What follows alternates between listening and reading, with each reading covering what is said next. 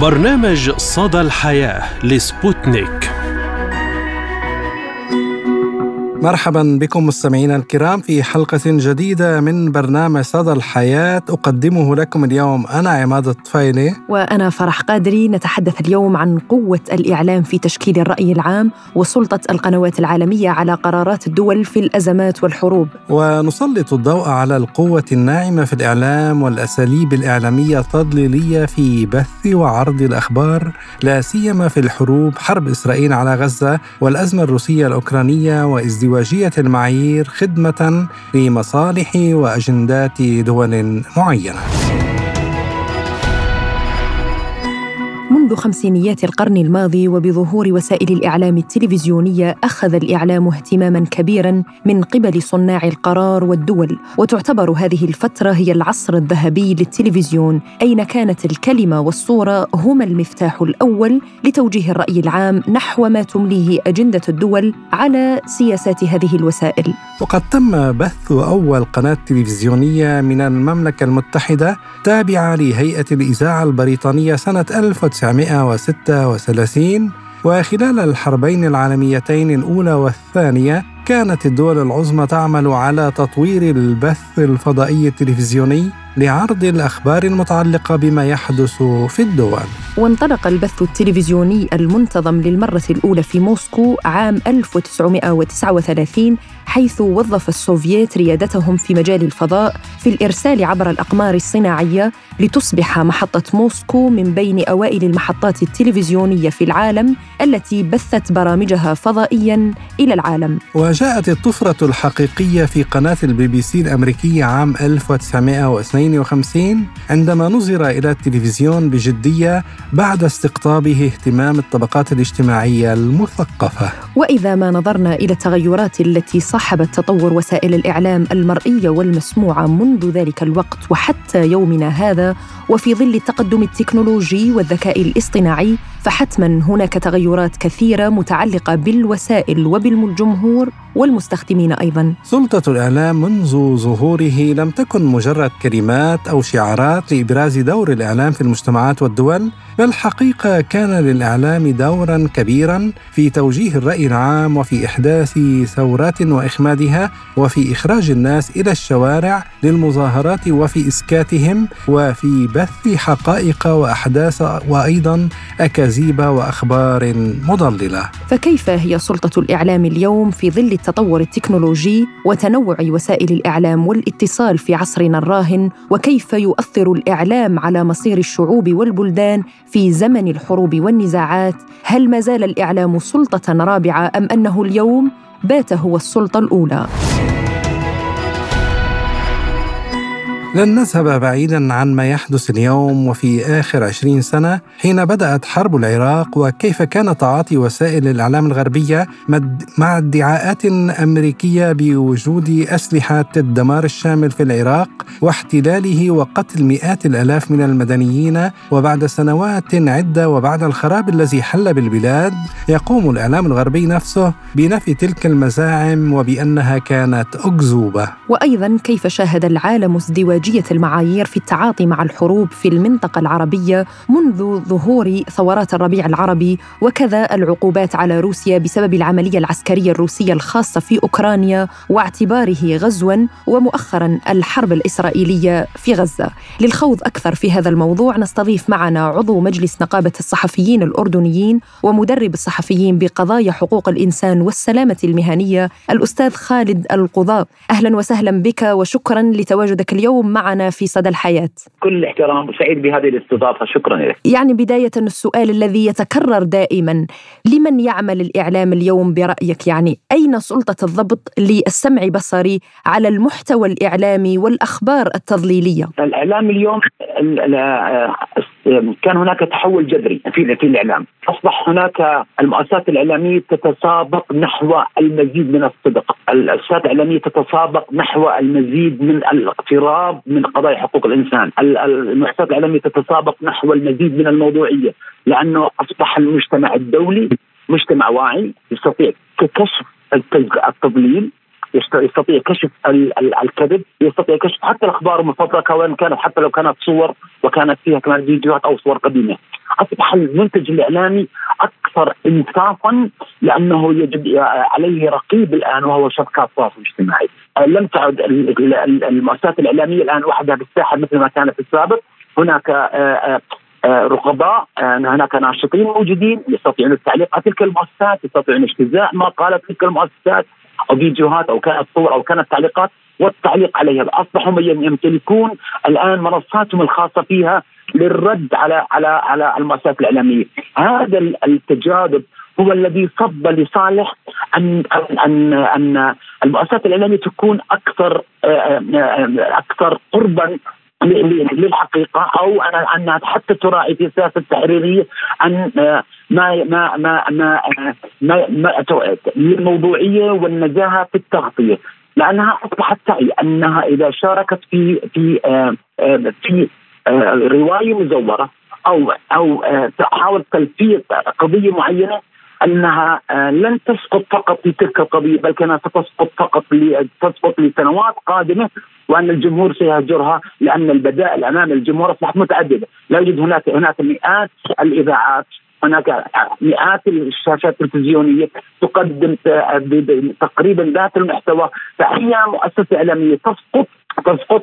بعتقد أن الجمهور سيهجرها وأنها تلك المؤسسة حتى لو اعتذرت عن تلك الغلطة التي كانت كانت هي آه، بسبب آه، سرعة أو انحياز أو تضليل أو هي تعمدت ذلك حتى لو اعتذرت عن السقطات التي قامت بخاصه ما شفنا في الحرب على غزة بداية الحرب لما كان هناك تلفيق لبعض الروايات نعم. حتى لو اعتذرت على على مستوى تاكدي تماما أنها فقدت جمهورها ولن هذا الجمهور وهذا يكلفها آه، يعني يكلفها سمعة ويكلفها آه، آه، فقدانها للثقة التي ستحاول لسنوات استعادة تلك الثقة ولمحو ذلك الخط الأسود في تاريخها المهني. نعم. ما رأيناه في حرب العراق وسوريا واليمن وليبيا وفلسطين وغيرها سواء يعني من قنوات غربية أو عربية كذلك ساهم بشكل كبير في إشعال الحرب أكثر برأيك اليوم هل الإعلام هو السلطة الأولى؟ خلينا نقر بقضايا الحروب الإعلام هو اول أول من يدخل المواجهات وآخر من يخرج منها لأنه الحروب الآن يكون هناك تضخيم يكون هناك تسليط يكون هناك حملات إعلامية تبدا بتحذير النفي لكل الاطراف وبدأ تحذير الجمهور لخلق بيئة مناصرة لما لما لخطواتها القادمة، فهي تسعى بالبداية إلى أن يكون هناك ضخ إعلامي. تزيد حقائق أحيانا أو حقائق مجتزاه أو صور مفبركة أو فيديوهات مفبركة تحاول تبرير خطواتها القادمة. لكن هذا آه، آه، ممكن كان بالعراق لأنه ما كانت شبكات تسمع بهذه القوة، ما كان الوعي المجتمع الدولي بهذه بهذه النضج الذي ظهر فيه في الفترة الأخيرة، كانت هذه آه، هي تكون الرواية السائدة وأنت تحتاج إلى مؤسسات إعلامية كبيرة أو جهد عالي لدحض تلك الرواية، حتى لو دحضتها بيكون هذا الطرف قد حقق أهدافه احتل آه، نسف أراضي قام بكل بكل ما يريد وبعد ذلك حتى لو اكتشفت حقائقه هو يكون حقق أهدافه، لكن الفترة الحالية آه الوضع اختلف تماما، أصبحت هناك في ناس آه صحفيين اولا مؤمنين بقضية معينة. عندهم الاستعداد للمغامرة حتى بحياتهم حتى بمستقبلهم المهني مقابل الدفاع عن الحقيقة، لأنه يريد أن يترك بصمة ان يذكر اسمه بالتاريخ بتاريخ الصحافة كمؤسسة أو كصحفي بيعرف بالنور أنه لم ينحاز آه، لم يضلل لم يكذب لم يسجل على نفسه في تاريخه أنه ساهم في تضليل الرأي العالمي في قضية معينة. هذا الانتاج الجديد للعقل آه، أصبح مختلفا. وخاصة نحن الآن نلمس صحفيين شبان هم الذين سيقودون المسيرة، لم تعد هناك سيطرة حقيقية حتى في القيادات المؤسسات الإعلامية للجيل القديم، نحن نسميه بالإعلام الحرس القديم، هم لم يعد لديهم السيطرة الكاملة على على مؤسساتهم، أصبحت هناك أصوات أكثر عدالة، أصوات أكثر آه، قوة، أصوات أكثر ميلا للحقيقة، أصوات أكثر ميلا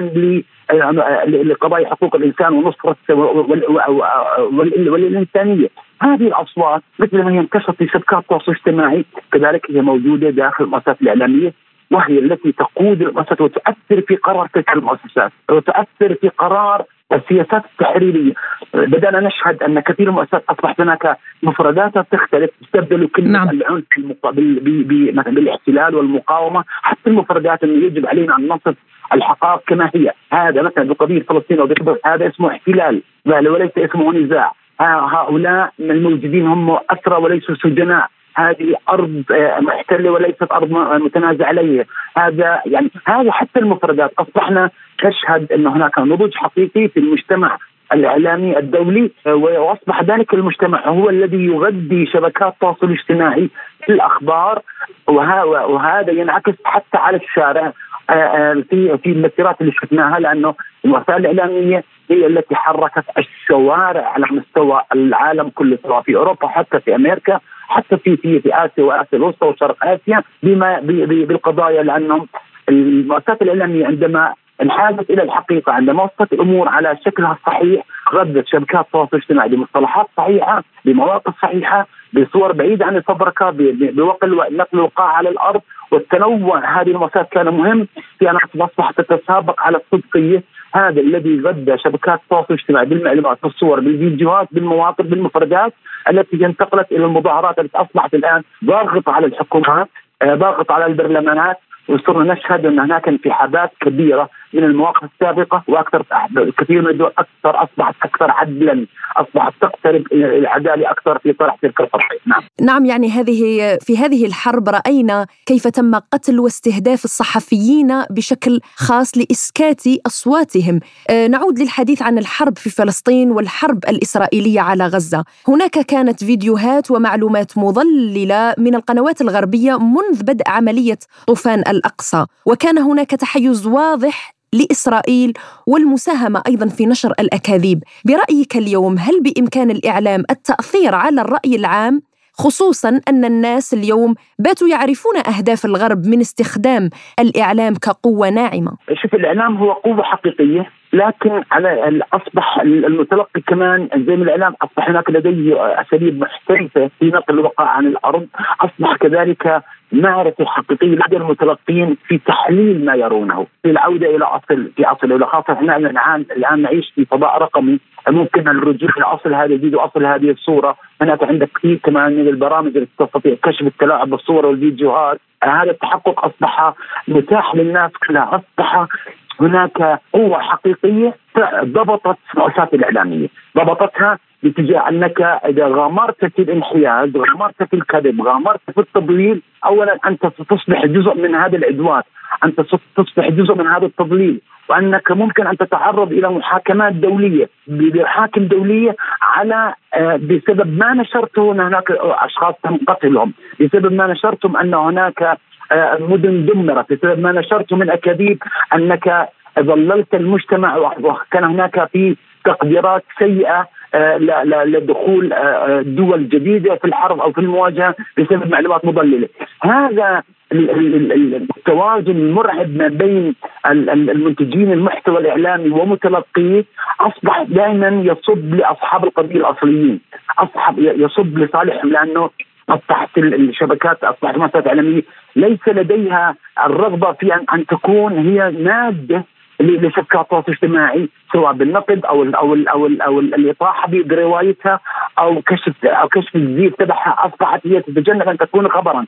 عشان هيك راح تنحاز قدر الإمكان ضمن سياستها آه، اللي إلى الموضوعية قدر الإمكان مع أن يكون هناك تباين ما بين تكلا لكن الكذب لن يستطيع الغرب لن يستطيع أن آه، أن يواصل بسيطرته سابقا على شبكه على المؤسسات الاعلاميه حتى وسيطرته الحالية على شبكات التواصل الاجتماعي حتى هذه السيطرة الناس أصبحوا محترفين بالافلات منها بطريقة العرض بطريقة استبدال المفردات بطريقة النشر المكثف يعني أنك أنت عندما تنتصر لغزة لم بدك أنت تحذف حسابات ملايين الناس ممكن مليارات الناس على مستوى الأرض. ولا تستطيع شبكات التواصل الاجتماعي ذلك لأنه هذا أصبح التضامن تضامن عالمي. فهي أصبحت غير قادرة حتى على مواجهة التضامن على نفس الشبكة التي هي تديرها. فاصبح هناك المزيد من قراءه المشهد بشكل أوسع. وأصبحت تلك المؤسسات تنظر إلى مصالحها. لأن إذا انحازت اليوم هي ستخسر آه، استثماراتها هي ستخسر ستخسر جمهورها بالمستقبل. فأصبحت هناك توازن صب لصالح الناس مع مع حدث بعض المشاهد التي فيها أشلاء فيها دم فيها دعوة صريحة للعنف فيها دعوة صريحة للقتل. لكن حتى المجتمعات هذه أصبحت قدرة على تجاوز كل المحيط واصبح هناك تنافس كذلك ما بين شبكات التواصل الاجتماعي إكس آه، أو تويتر سابقا. سمحت للنشر بشكل أوسع. آه، فاصبحت هناك هجرة من من إنستغرام والفيسبوك للناس المناصرين للقضية الفلسطينية إلى إلى إلى إلى تويتر. حتى أصبحت تعطيهم مساحات أكبر. تخيلي أن حتى المؤسسات الشبكات اصبحت تتنافس ما بينها في الانحياز إلى حقوق الناس قدر المستطاع لمحقق مصالحها ومصالح مصالح امتدادها بالجمهور. هذا الصراع الموجود هو صراع ضروري حقيقي بالآخر مهما كانت حجم التضليل مهما كانت قوة الغرب في في محاولة تغيير عقول الناس أو محاولة التمرير تلك الأكاذيب حتى يقتنع فيها الناس آه، للوقوف جنبهم أو حتى الوقوف على الحياد لم تعد تلك المخططات تمر أصبحت تمر. هذا كمان بيعيدنا إلى إلى مرات انه إنه قوة الإعلام نفسه وقوة الصحفيين نفسهم آه، آه، هي معنية بقوة بثبات الناس على أرضهم. يعني الصحفيين استطاعوا أن ينقلوا معاناة الناس على في في في غزه لأنه الناس هم الذين تشبثوا بأرضهم. صحيح. هم الذين قاوموا آه، كل كل مشاريع التهجير كل مشاريع الاستيلاء على أرضهم. هذه الصبر وهذه العقيدة في الدفاع لن نرحل باقين مهما كان قوة هذا. هو الذي كمان دفع الصحفيين لانحياز تلك القضية أو كانت هذا الإصرار على البقاء على الأرض فيها مادة حقيقية صحفية الاحيان كلها يتساءل ما حجم هذا الصبر ما حجم هذا الإيمان لدى هؤلاء الناس لتلقوا هذا الكم الهائل من القوة النارية الغاشمة الإسرائيلية ويصبروا على أرضهم ولا يرحلوا منها، لا فعادت القضية الفلسطينيه إلى إلى إلى إلى إلى إلى إلى, إلى الواجهة. نعم. هناك احتلال وان هذا الاحتلال يجب أن يزول وان هؤلاء أصحاب أرض وهذول مستوطنين يجب أن يغادر تلك الأرض ويجب أن الأرض تعود إلى أصحابها. فالقضية بداية كانت في صمود الناس على ارضهم، العالم شاهد هذا الصمود خلال عدسات الصحفيين والمؤسسات الإعلامية التي ضحت الآن 67 صحفي خسرنا في غزه فقط لحالها رحمهم يعني الله تعالى يا رب. آه يعني هذول الشهداء آه وهم منحازوا كمان إلى قضايا. يقول لك أنا اليوم أنا أنقل الواقع. أنقل الواقع كما هو لافضح تلك الجرائم ايا كانت. وأصبحت هم أصحاب قضية. ينقل للعالم حتى تكون آه، هم ينقل الروايه الفلسطينيه الروايه الغزيه لتكون مواجهة وكان وهي فازت بالمواجهة مع الرواية الإسرائيلية، الروايه الأمريكية، الروايه البريطانية، رواية الغرب.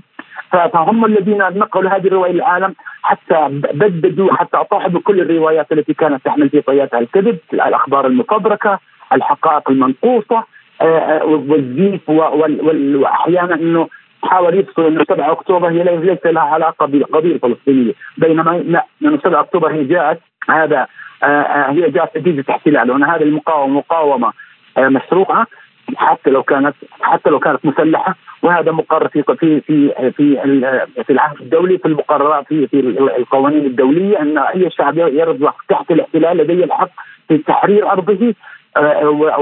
سواء كانت في في الطرق السياسية حتى لو انتقلت ذلك القوه المسلحة فهذا له الحق بذلك وهذا نعم. الذي أصل طرح الصحفي إنه كل مقام فلسطيني هو هو له أصل في في قوانين الامم المتحدة، هذه القصة كمان ثقافه الصحفيين، تعلمهم السريع، الحفاظ على سلامتهم، سهرهم الليالي، صبر الناس على الأرض هو الذي أعاد القضية الفلسطينيه إلى مكانها الصحيح. أستاذ خالد يعني كيف ترى كذلك دور مواقع التواصل الاجتماعي في كشف حقائق وأكاذيب تبث يعني على الوسائل التلفزيونية؟ كما تعلم يعني أضيف هذه نعم. الفكرة أن هناك عقل يفكر ووقائع لا يمكن إنكارها أستاذ خالد. خلينا نحكيها بالعكس تماما. نعم. أنه بسبب الجهد الصحفي الموجود حاليا أصبحت أنك أنك تفبرك رواية أصبح أصعب بالوضع الحالي. أنك تستطيع أن تفبرك فيديو لأن ليس لديك الوقت للفبركة ليس لأنك الأحداث أصبحت متسارعة الصحفيين موجودين على الأرض بث حي مباشر موجود.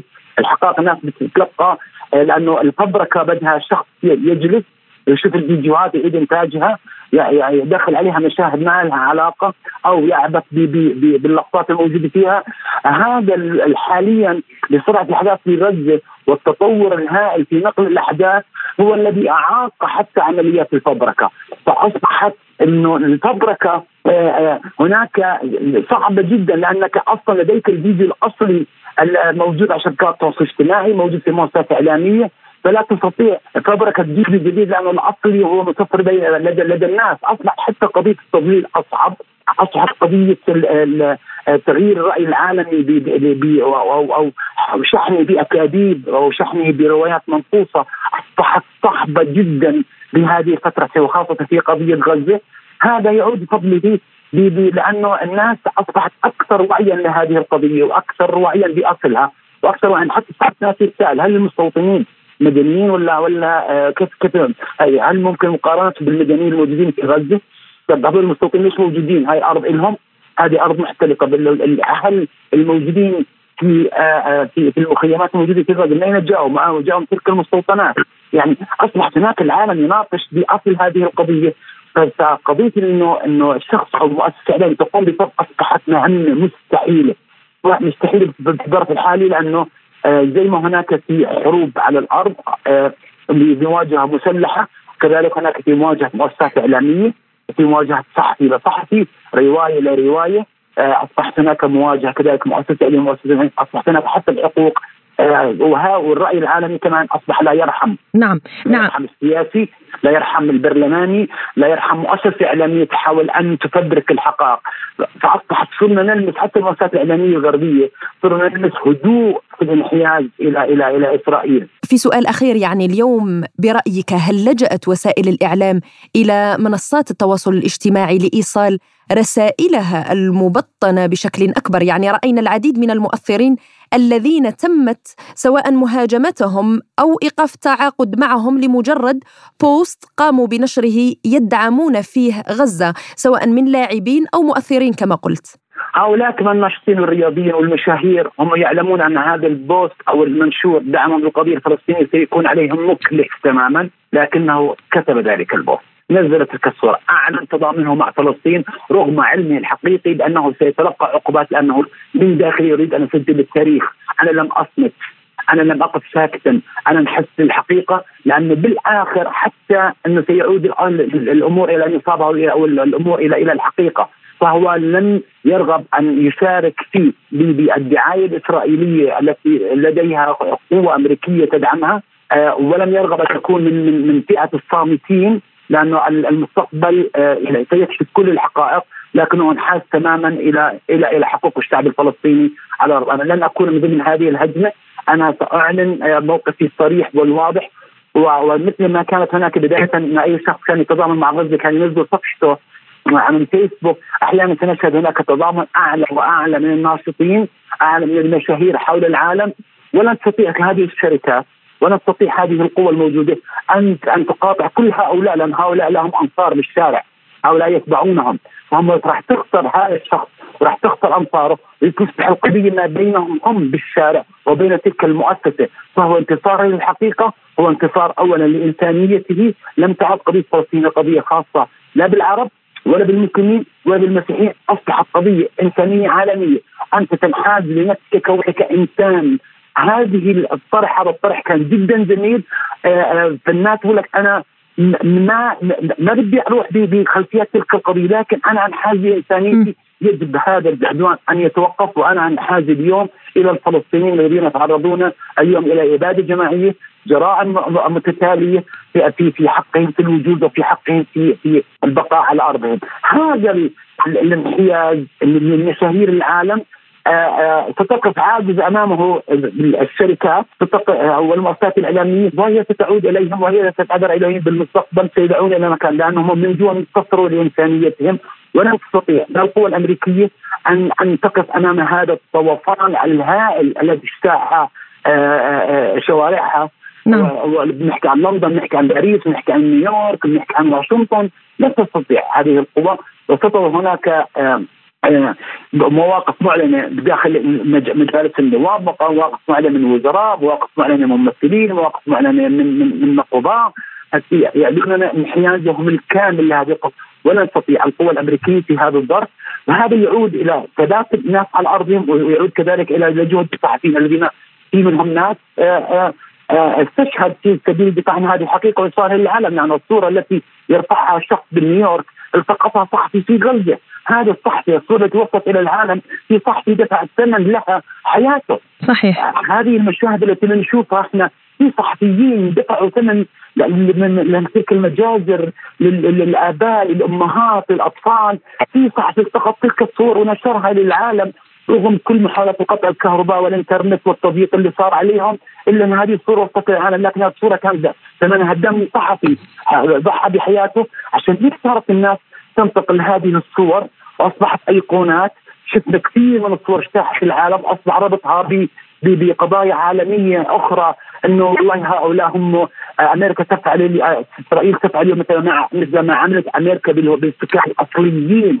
في أمريكا، أمريكا مثل ما فعلت استراليا بالسكان الأصليين في هؤلاء اليهود من أين جاءوا؟ هؤلاء اليهود ماذا حدث معهم؟ لماذا لماذا فلسطين؟ لماذا اختاروا؟ لماذا أصبحت هناك أسئلة وجودية هذه الأسئلة اصبحت أصبحت الآن هذه الدولة المحتلة في الزاوية وكل من يدعمها أصبح هو في موقف دفاع عن نفسه وأعتقد إنه راح نشهد انسحابات دولية ستبقى زي زي كل مرة إسرائيل وفقط أمريكا داعمة لها حتى أمريكا ستخجل من الدفاع عن إسرائيل بسبب هذه المذابح التي تم ارتكابها لأن العالم اعتبرها شريك حقيقي في قتل أكثر من 15 ألف مواطن غزي. عضو مجلس نقابة الصحفيين الأردنيين ومدرب الصحفيين بقضايا حقوق الإنسان والسلامة المهنية الأستاذ خالد القضاة. شكرا لك على هذه المداخلة. ونختم حلقة اليوم من برنامج صدى الحياة بمعلومة طبية كما عودناكم متابعينا الكرام وبما أننا في فترة للامتحانات فإليكم أفضل الأغذية التي تزيد تركيز الطلبة. تأتي الامتحانات عادة مصحوبة بكثير من الضغط والتوتر لدى الطلاب إذ يضطرون للنوم لساعات أقل ويقضون معظم أوقاتهم في الدراسة والمراجعة. ونظرا لانشغالهم بالدراسة فإنهم لا يلتفتون عادة لصحتهم خلال تلك الفترة ويلجؤون لأكل أطعمة غير صحية. في المقابل يقول الخبراء إن الاهتمام بجودة الطعام خلال فترة الامتحانات تحديدا أمر ضروري إذ من الممكن أن تؤدي العادات الغذائية غير الصحية وأنماط النوم غير المنتظمة إلى التعب والإجهاد وضعف مستويات التركيز. وينصح الخبراء بتناول البيض كونه يحتوي على الأحماض الأساسية والبروتين اللازم للجسم لتحسين إنتاج الطاقة وأيضا يعني الأسماك وجوز القلب لما لها من دور كبير في تحسين التخزين للمعلومات في الذاكرة طويلة المدى. وأيضا ينصح بضرورة الابتعاد عن المشروبات الغازية وبشكل خاص مشروبات الطاقة لما لها من آثار سلبية على الذاكرة وعلى نشاط الجسم وكذلك الابتعاد عن تناول الأكل سريع التحضير مثل النودلز وغيرها. وينصح بالبدء بوجبة آه، للفطور تكون صحية ومتوازنة خصوصا للطالب في بداية يومه إذ تمنحه العناصر الغذائية المهمة لنموه وتطوره مما ينعكس ايجابا على تحصيله العلمي.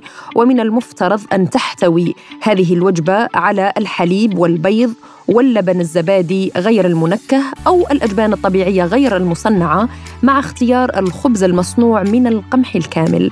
صحيح يعني المشروبات الغازية ومنها مشروبات الطاقة من أسوأ المشروبات التي تضر بالجسم يعني و... وتؤثر على الدماغ. طبعا والأفضل الابتعاد عنها. نعم. نتمنى التوفيق والنجاح لكل الطلبة في هذه الامتحانات للفصل الدراسي الأول وأيضا صحة وعافية للجميع. إلى هنا نصل وإياكم مستمعينا الكرام إلى ختام حلقة صدى الحياة. قدمناها لكم أنا فرح قادري. وأنا عماد الطفيلي وشكرا لإصغائكم وإلى اللقاء. إلى اللقاء.